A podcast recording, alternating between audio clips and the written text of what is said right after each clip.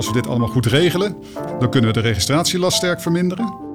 Data helpt echt om zorg te verbeteren voor de patiënt. Welkom bij Nick Talk, de podcastserie van Nictis, waarin we vanuit verschillende invalshoeken ingaan op de vraag: wat is er eigenlijk nodig voor goede digitale informatieuitwisseling in de zorg? Mijn naam is Sabine Uitslag. Fijn dat je luistert. Deze keer ga ik in gesprek met Brent Opmeer van Nictis en Patrick Lubbers van het IKNL. Goedemiddag, heren. Goedemiddag. Goedemiddag. Wat fijn dat jullie er zijn. Ik wil met jou beginnen, Brent. Uh, wat doe jij precies bij Nictis? Ik ben senior adviseur bij Nictis. Um, en bij Nictis hou ik me bezig met het thema uh, hergebruik. Uh, allerlei activiteiten op het gebied van hergebruik van zorginformatie. Uh, bijvoorbeeld voor uitkomstgerichte zorg en voor kwaliteitsregistraties. Oké, en, en wat drijft jou zoal? Waarom, waarom, waarom dit vak? Um, ja, ik heb iets met data. Ik heb hiervoor twintig jaar bij het AMC gewerkt als uh, klinisch epidemioloog en gezondheidseconoom. En daar ben ik bij tientallen studies betrokken geweest die uiteraard data verzamelen om uh, gegevens uh, te krijgen en antwoorden te krijgen op vragen op het gebied van effectiviteit en doelmatigheid van zorg. En daar heb ik ook wel gezien dat dat ja, dat dat efficiënter zou moeten kunnen, dat uh, uh, het verzamelen van data efficiënter kan, maar dat ook standaardisatie, als je dat goed doet, mogelijk maakt dat je data gaat hergebruiken, ook in wetenschap. Nou, ditzelfde speelt natuurlijk ook bij zorginformatie, gegevens die in de zorg worden verzameld. Als je dat goed organiseert, dan kun je dat efficiënter doen, minder registratielast, maar je kunt ook de mogelijkheden voor het hergebruik vergroten, doordat je allerlei data op veel meer manieren kan gaan gebruiken. Mooi. Nou ja, dat is denk ik een belangrijke opdracht ook voor Nictis. Ja, mooi zeg. Nou, we gaan er straks verder op in, hè, van wat dat nou precies is, dat hergebruiken van data. Maar ook naar jouw buurman. Uh, hallo Patrick. Hallo. Hoi, jij werkt bij het IKNL. Kan je nog even uitleggen wat het IKNL precies inhoudt en wat jullie daar doen? Nou, IKNL staat voor het Integraal Kankercentrum Nederland. En wat wij doen is registreren alle kankerincidenties in Nederland in een grote database. En daar doen we wetenschappelijk onderzoek op en statistiek. Dus op die manier gaan we kijken naar overlevingscijfers, kijken naar uh, beste zorg, wat een goede behandeling kunnen zijn. En dan daarmee proberen wij de impact van kanker te reduceren. Mooi zeg. En wat, wat doe jij, wat is jouw functie daar? Ik werk als klinisch informaticus bij IKNL. Uh, ik hou me vooral bezig met de optimalisatie van het EPD. Om samen met de zorgverlener te kijken van hoe het EPD slimmer kan werken voor hun. Maar anderzijds ook te kijken hoe we dan informatie uit het EPD kunnen halen. Om te stoppen in registraties en voor wetenschappelijk onderzoek.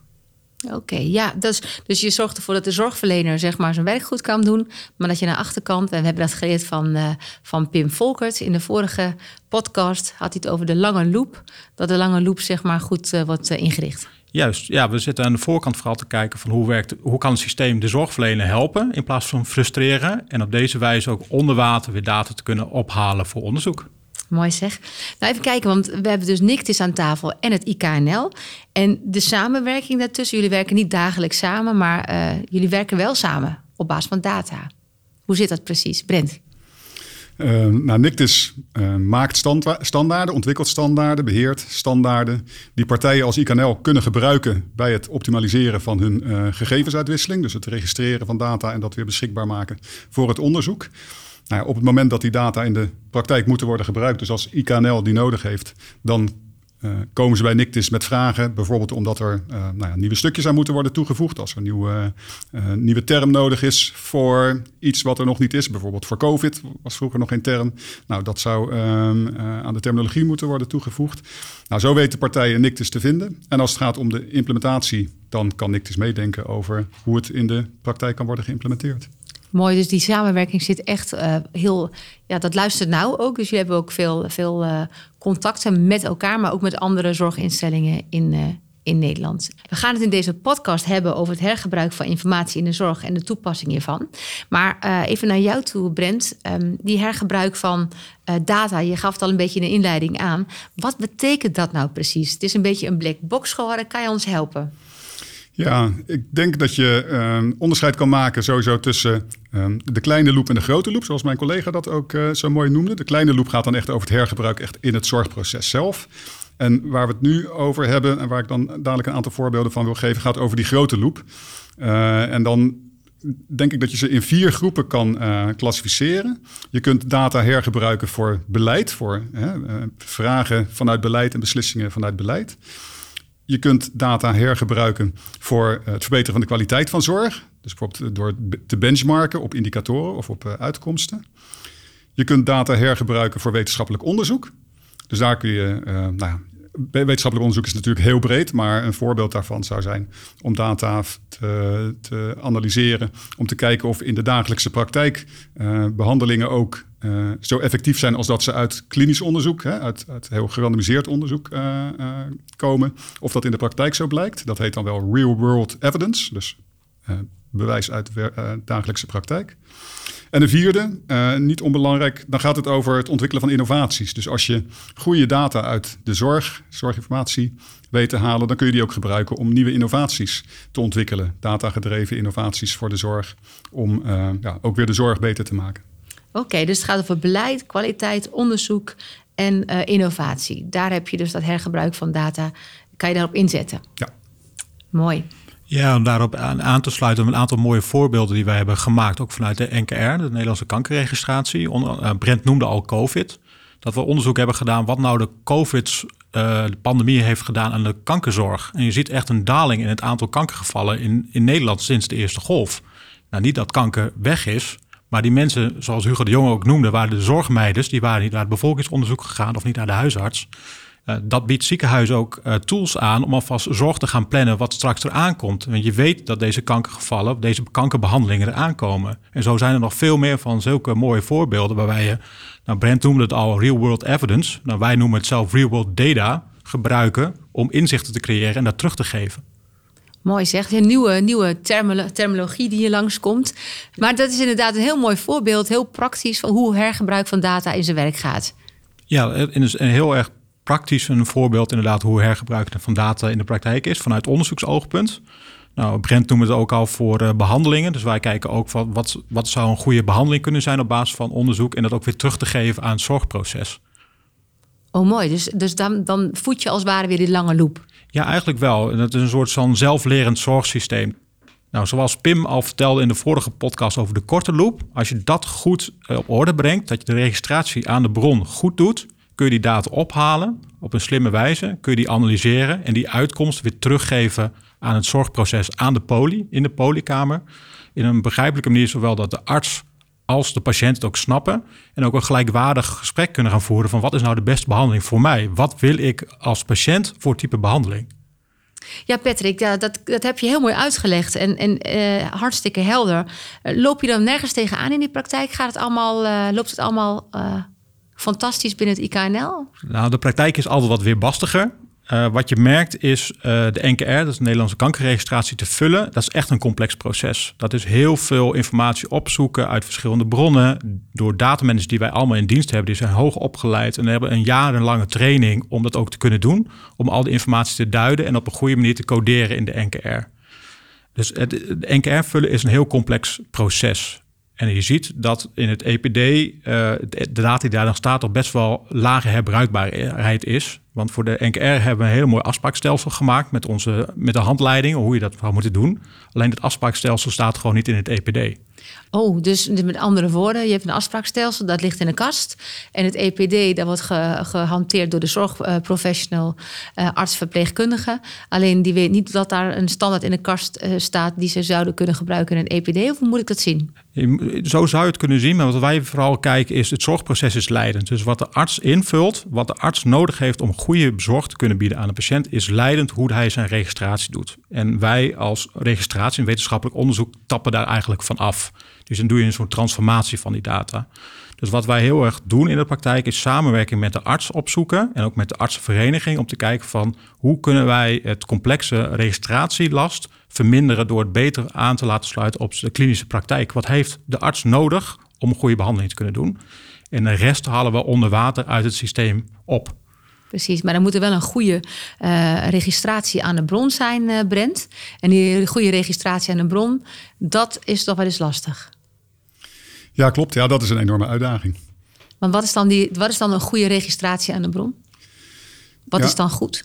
Uh, belangrijk is dat de artsen die tijdens het zorgproces gegevens vastleggen, dat ze dat op een manier doen zodat die data herbruikbaar worden. En van oudsher, of hè, de, de, wat mensen over het algemeen doen als ze, eh, als ze iets eh, registreren, is dat ze dat doen voor zichzelf, om het zelf te kunnen gebruiken. Nou, dat is prima, want voor dat doel werkt dat gewoon. Maar op het moment dat je zegt van ja, maar we willen die data ook voor andere doeleinden gebruiken, ja, dan moet je er rekening mee houden dat die data ook door anderen op dezelfde manier begrepen worden. En dat je dus op een specifieke manier af, uh, vastlegt en dat je daar afspraken over maakt. Nou, dat dat gebeurt. Daar zijn we nu mee bezig om dat soort dingen te organiseren. Daar zijn uh, ziekenhuizen mee bezig en EPD-leveranciers zijn daarmee bezig om onze zorginformatiebouwstenen uh, in te bouwen. Of in ieder geval te zorgen dat op die manier de gegevens uit de EPD's kunnen worden gehaald. Maar goed, dat is een heel proces en dat begint inderdaad in de spreekkamer bij het zorgproces. Maar uiteindelijk moet het nou ja, naar de buitenkant dat het kan worden uitgewisseld. En daar zit het, uh, ja, daar is een hoop werk. En daar zit ook vooral de devil in de detail. Um, soms denk je dat je de informatie hebt, maar dan blijkt het toch ja, net een andere betekenis te hebben. Net iets anders uh, gebruikt te worden. Dus je moet altijd goed kijken wat er wordt vastgelegd en of wat er aan het eind uitkomt als je daar uh, gegevens van bekijkt, informatie van maakt. Of dat ook nog steeds klopt met wat er oorspronkelijk is vastgelegd. En die hele keten, die moet, ja, dat moet gewoon kloppen, zeg maar ja, die hele keten moet kloppen. En dan zit ook meteen inderdaad uh, uh, de kwetsbaarheid in, denk ik. Want, het, uh, want zorgen voor mensen is niet iets als nou, sinaasappels importeren uit Spanje of whatever. Maar het, het gaat over, over mensen, dus die, die veranderen elke dag. En elk mens is uniek. Dat is natuurlijk ook de last. En dan zal je misschien ook terugkrijgen van zorgprofessionals, is het? Ja, dat klopt. Ja. Nee, dat is, um, ook daar is de, de uitdaging om daar de balans in te vinden. Dat inderdaad elke patiënt is uniek en heeft eigenlijk een uniek zorgpad, zou je kunnen zeggen. Um, maar toch uh, hebben we te maken met richtlijnen, behandelrichtlijnen, afspraken over welke behandeling uh, moet de patiënt krijgen. In dit geval met deze aandoening. Uh, dus daar wil je toch een stuk standaardisatie in brengen. En hetzelfde geldt voor het vastleggen van gegevens daarover. Je kunt zeggen, dat kan ik niet standaardiseren, want mijn patiënt is weer een beetje anders dan de andere patiënt die ik zie of die van mijn collega. Maar als je daar geen afspraken over maakt, ja, dan kun je die data niet goed hergebruiken. Ja, en om daarop aan te vullen, die uniformiteit in data is heel belangrijk als je ook uh, voor benchmarking, als je ziekenhuizen met elkaar wil gaan vergelijken. Je wil appels met appels gaan vergelijken, niet appels met peren. Dus die uniformiteit uh, is heel belangrijk in data om dat te kunnen doen. En daar, daar helpen de bouwstenen mee die NICT is ontwikkeld, onder andere, samen met ons. Wij zijn ook heel uh, een partner met daarin. Helpt daarmee om de uniformiteit te, te borgen en ook voor de uitwisseling. Dus continuïteit van zorg, maar ook hergebruik voor kwaliteitsregistratie en voor onderzoek te kunnen doen. Ja, is dan de lange loop soms belangrijker dan de korte loop? Nou, eh, ik denk met het oog op uh, ontwikkelingen die er nu zijn, en met name ook vanuit beleid, dat we uh, in Nederland een, een, een, beleid hebben wat richting uitkomstgerichte zorg gaat, dat de zorg meer op uitkomsten gebaseerd moet zijn. Ja, daar is het heel belangrijk dat er goede informatie beschikbaar is, onder andere over die uitkomsten, maar ook over het zorgproces en ook over nou wat daar gebeurt en de, de zorgorganisatie. Want als die data niet klopt, dan krijg je natuurlijk ook niet de, ja, de juiste zorg in de spreekkamer, niet de juiste beslissingen in de spreekkamer. Dus als je zorg en de, lever, de, de, de, levering van zorg zo gaat baseren op de informatie die je uit het EPD haalt, uit het zorgproces haalt, om beslissingen op te baseren, ja, dan moet je natuurlijk geen twijfel hebben of die data die je hebt, of dat wel de goede data zijn. Ja, precies. Nou, in, een, in, de vorige, in een vorige podcast gaf uh, Pim ook aan dat er ook weer nieuwe ontwikkelingen zijn. Dat je niet kijkt van wat zijn de bouwsteden, maar dat je ook veel bekijkt van wat wordt er nou eigenlijk allemaal gezegd in zo'n dossier. En dat gaan we omzetten algoritmisch in uh, nieuwe bouwstenen. Dus dan ben je ja, een beetje adaptiever, zeg maar, dan, nou, dan ben je toch wat dichter bij die unieke patiënt. Want ja, daar kan je ook weer een, een, een algoritme uithalen. Is dat iets wat, waar jullie ook mee bezig zijn? Daar zijn wij ook mee bezig. Uh, in ons toekomstvisiestuk vanuit IKNL zeggen we ook dat uh, de datamanagers die wij nu in uh, dienst hebben, die zijn onmisbaar. Die zul je, niet kunnen, je zou niet alles kunnen automatiseren. Dat is een utopie. Wat wij zien is dat een groot deel automatisch zonder menselijke handeling uit het systeem zou kunnen worden gehaald. Maar ook een groot deel, wat Pim al heeft verteld, op basis van text mining, natural language processing of algoritmes, op basis van vrije tekst al heel veel informatie uit kan halen. En dan haal je altijd nog een klein stukje over van hele complexe zorg voor hele complexe patiënten. Ja, daar is gewoon de mens gewoon nog steeds beter in dan de machine.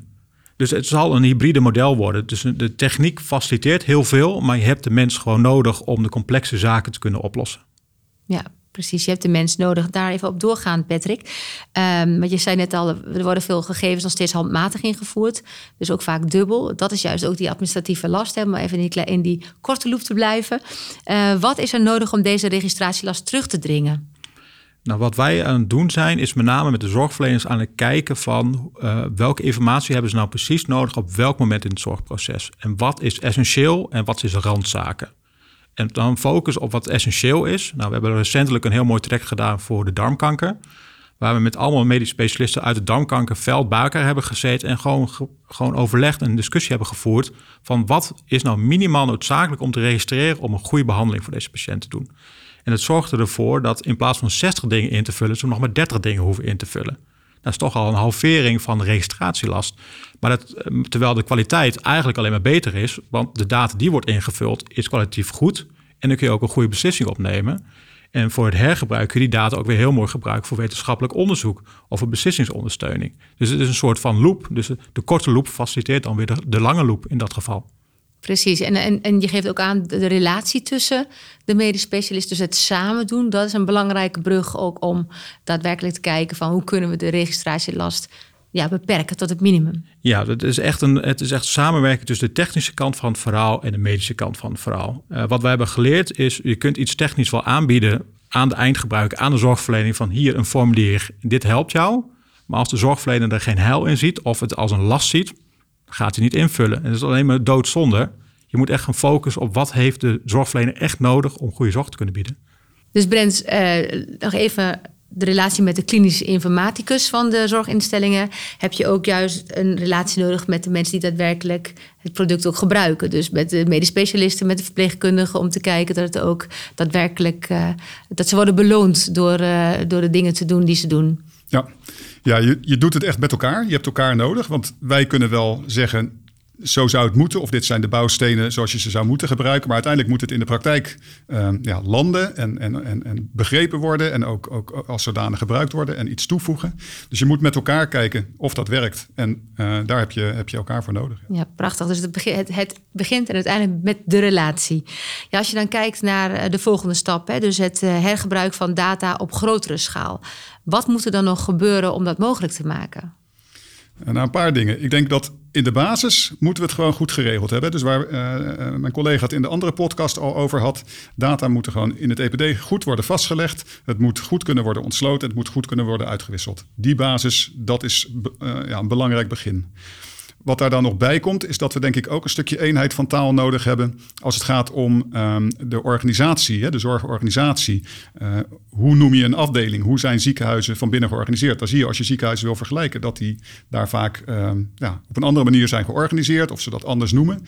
Als je appels met appels wil vergelijken, moet je natuurlijk wel weten waar patiënten behandeld zijn en uh, uh, dat je dezelfde patiënten behandelt. Dus daar ligt nog wel een stukje standaardisatie.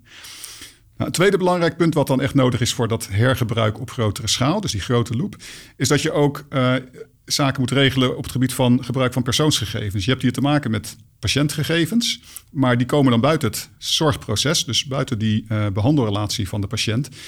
En dan moet je voldoen aan de AVG.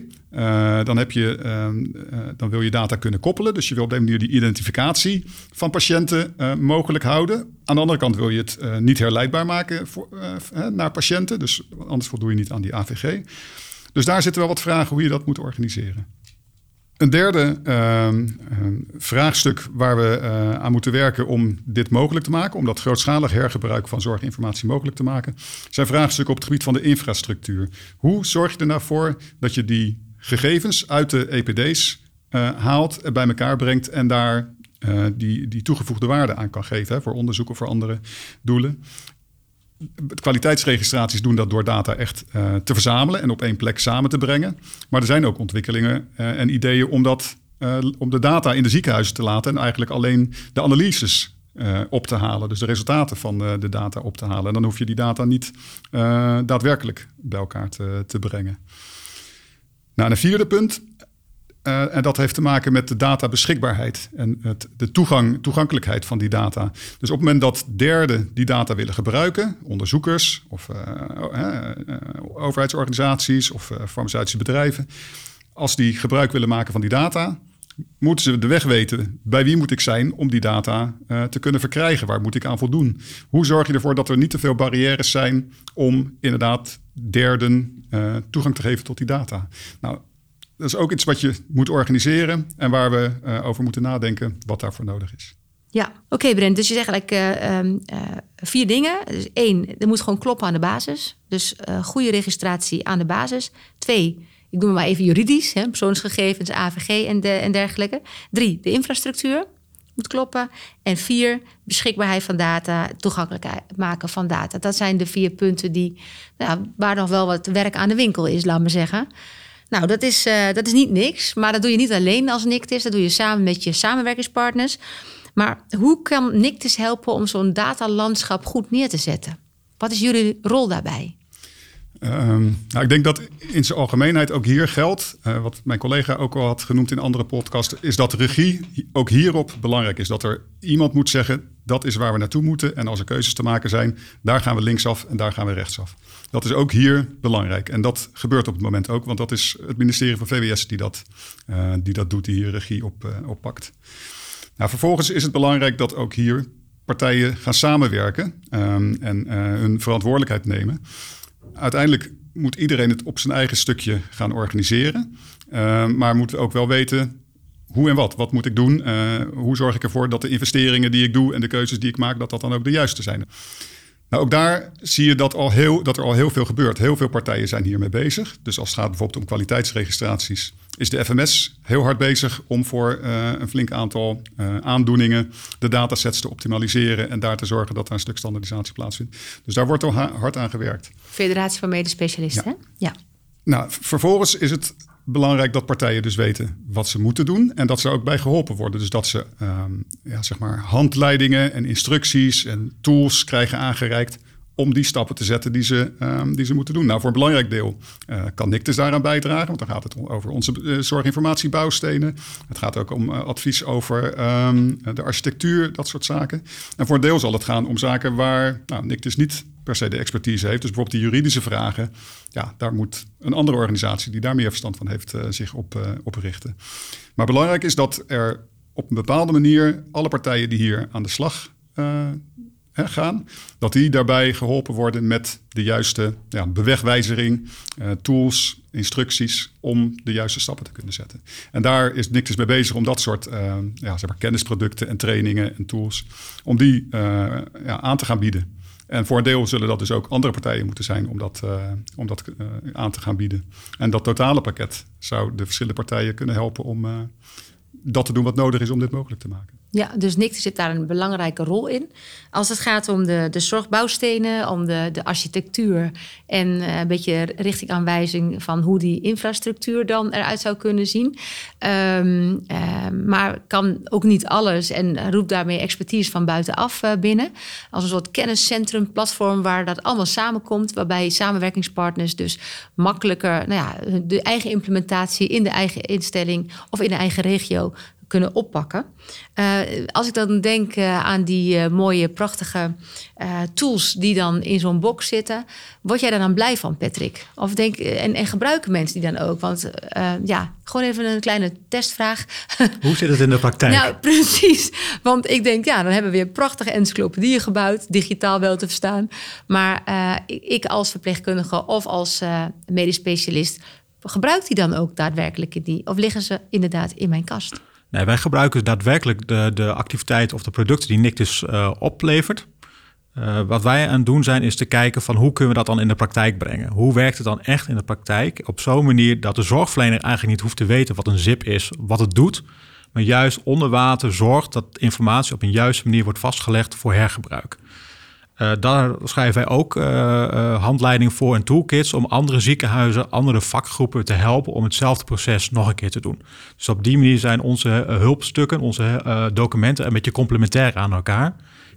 Dus in die zin is er een hele belangrijke samenwerking tussen wat vanuit ja, uh, NICTIS wordt bedacht van ja, dat kan ondersteunend zijn aan of te toetsen of het daadwerkelijk ook inderdaad dat, uh, dat biedt in die praktijk. Ja, we geven dat ook gewoon terug. En we werken ook samen, onder andere in het architectuurteam voor de ZIPs. Dat is een team met heel veel slimme mensen die nadenkt over hoe een ZIP moet zijn en wat erin komt staan. En daar zijn we ook actief bij betrokken en we geven feedback terug van hey, in de praktijk uh, werkt het toch net anders. Kunnen we het op een andere manier vastleggen? Of deze waardelijst wordt eigenlijk helemaal niet gebruikt, maar deze wel. Kunnen we het aanpassen? Dus op die manier vindt een hele mooie wisselwerking tussen de techniek, de, de, de denktank En aan onze kant, wat we zien in de praktijk, om elkaar steeds continu uh, te verbeteren en steeds naar nieuwere versies te komen. En op die manier ook daadwerkelijk het gebruik van zips in de praktijk te gaan doen. Ja, ja en ik denk dat, dat dat ook eigenlijk de laatste stap beschrijft die er dan nodig is. Dat je zorgt dat dat soort informatie ook bij elkaar komt. Dat die praktijkervaringen, dat die worden gedeeld. Dat andere partijen die daar weer mee in de slag gaan, niet dezelfde problemen weer zelf moeten oplossen of er weer allerlei andere oplossingen voor gaan, uh, gaan bedenken. Maar dat je dat bij elkaar brengt. En ook daar wordt aan gewerkt dat we uh, willen werken aan een, uh, een platform, een kennisplatform om dat soort kennis en instructies en praktijkervaringen te delen. En dat doen we samen met de registratie aan de bron. Juist om nou ja, aan de ene kant de bewegwijzering zeg maar, te geven van hoe doe je het, maar ook de ervaringen uit de praktijk weer te delen. Dus ook een community daarmee te te organiseren, waarbij de verschillende partijen ervaringen kunnen uitwisselen. En dat zou volgens mij moeten helpen om um, ja, toch die hele uh, lijst met uitdagingen waar we het net over hadden, om daar toch uh, handen en voeten aan te geven. Ja, dus dat wordt echt een platform waar lessons learned continu opkomen en van daaruit uh, programma's worden aangepast, zodat het daadwerkelijk soelaas biedt de mensen op die werkvloer uh, in de lange loop. Hè? Want we hebben de korte loop. Het moet gewoon uh, interessant zijn. Uh, zo min mogelijk administratieve lasten. En het moet eenvoudig zijn om te kunnen registreren. Maar de lange loop met die informatie moet dan wel gestandaardiseerd zijn. Anders kunnen we het niet verwerken in bepaalde onderzoeken. Ook niet nationaal, maar ook niet internationaal. Daar is een samenwerking tussen de samenwerkingspartners in Nederland en internationaal.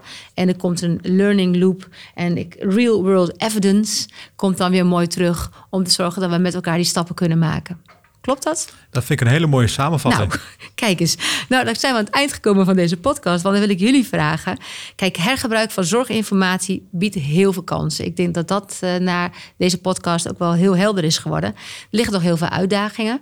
Uh, maar die uitdaging kunnen we samen het hoofd bieden. Die relatie met elkaar, met de praktijk, is super belangrijk. En alleen dan komen we verder. Maar even aan jullie de vraag van... wat zijn nog aanbevelingen vanuit jullie kant naar de luisteraars... als het gaat over hergebruik van zorginformatie. Begin ik bij jou, Patrick? Nou, ik denk vooral hergebruik van zorginformatie begint in de polykamer. Als je daar niet goed regelt, de korte loop, kun je niks in de lange loop goed doen.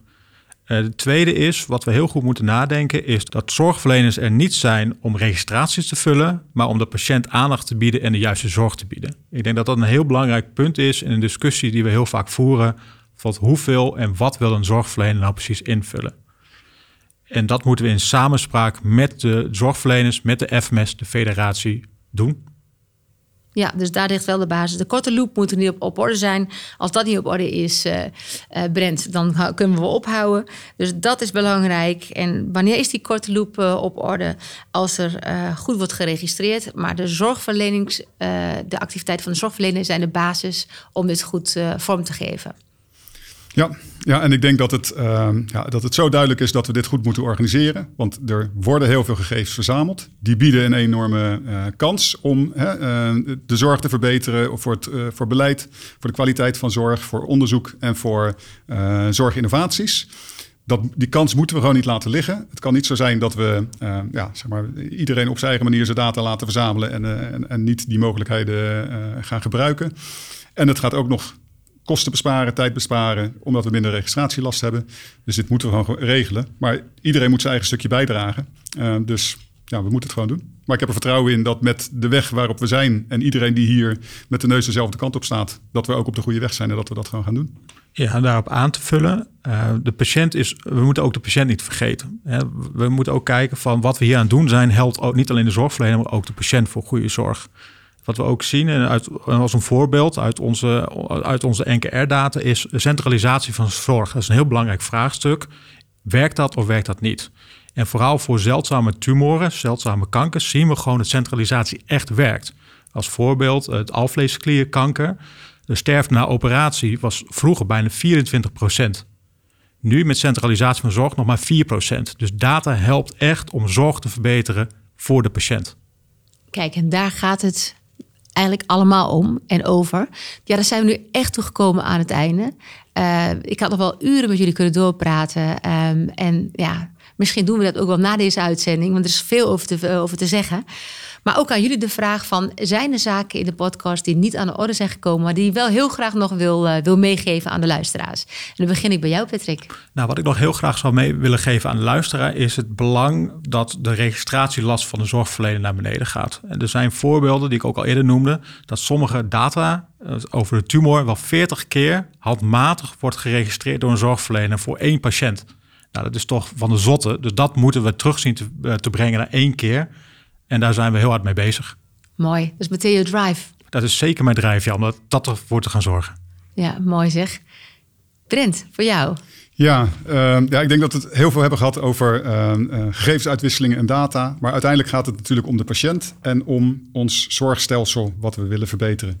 Dus ik ben ervan overtuigd dat als we dit allemaal goed regelen, hè, alles rondom hergebruik van zorginformatie, dan kunnen we de registratielast sterk verminderen. We krijgen daarmee ook veel meer mogelijkheden om data te laten werken.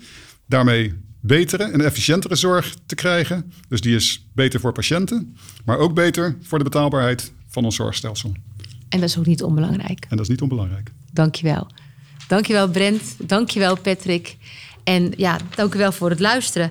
Ik kan me zo voorstellen dat je na het beluisteren van deze podcast vragen, ideeën, suggesties of misschien wel een discussie wil opstarten over het hergebruik van informatie in de zorg en de toepassingen. In de beschrijving van deze podcast vind je dan ook een link naar een LinkedIn-pagina van Nictis. En als je daarop klikt, kom je op de pagina terecht. En daar gaan we dan met elkaar een gesprek aan. In de volgende podcast ga ik in gesprek met Quintus Bosman, strategisch adviseur bij Nictis. Vond je dit nou interessant en wil je er meer over weten? Volg dan onze podcastserie Nick Talk. Ik zou zeggen, dankjewel voor het luisteren en tot de volgende keer.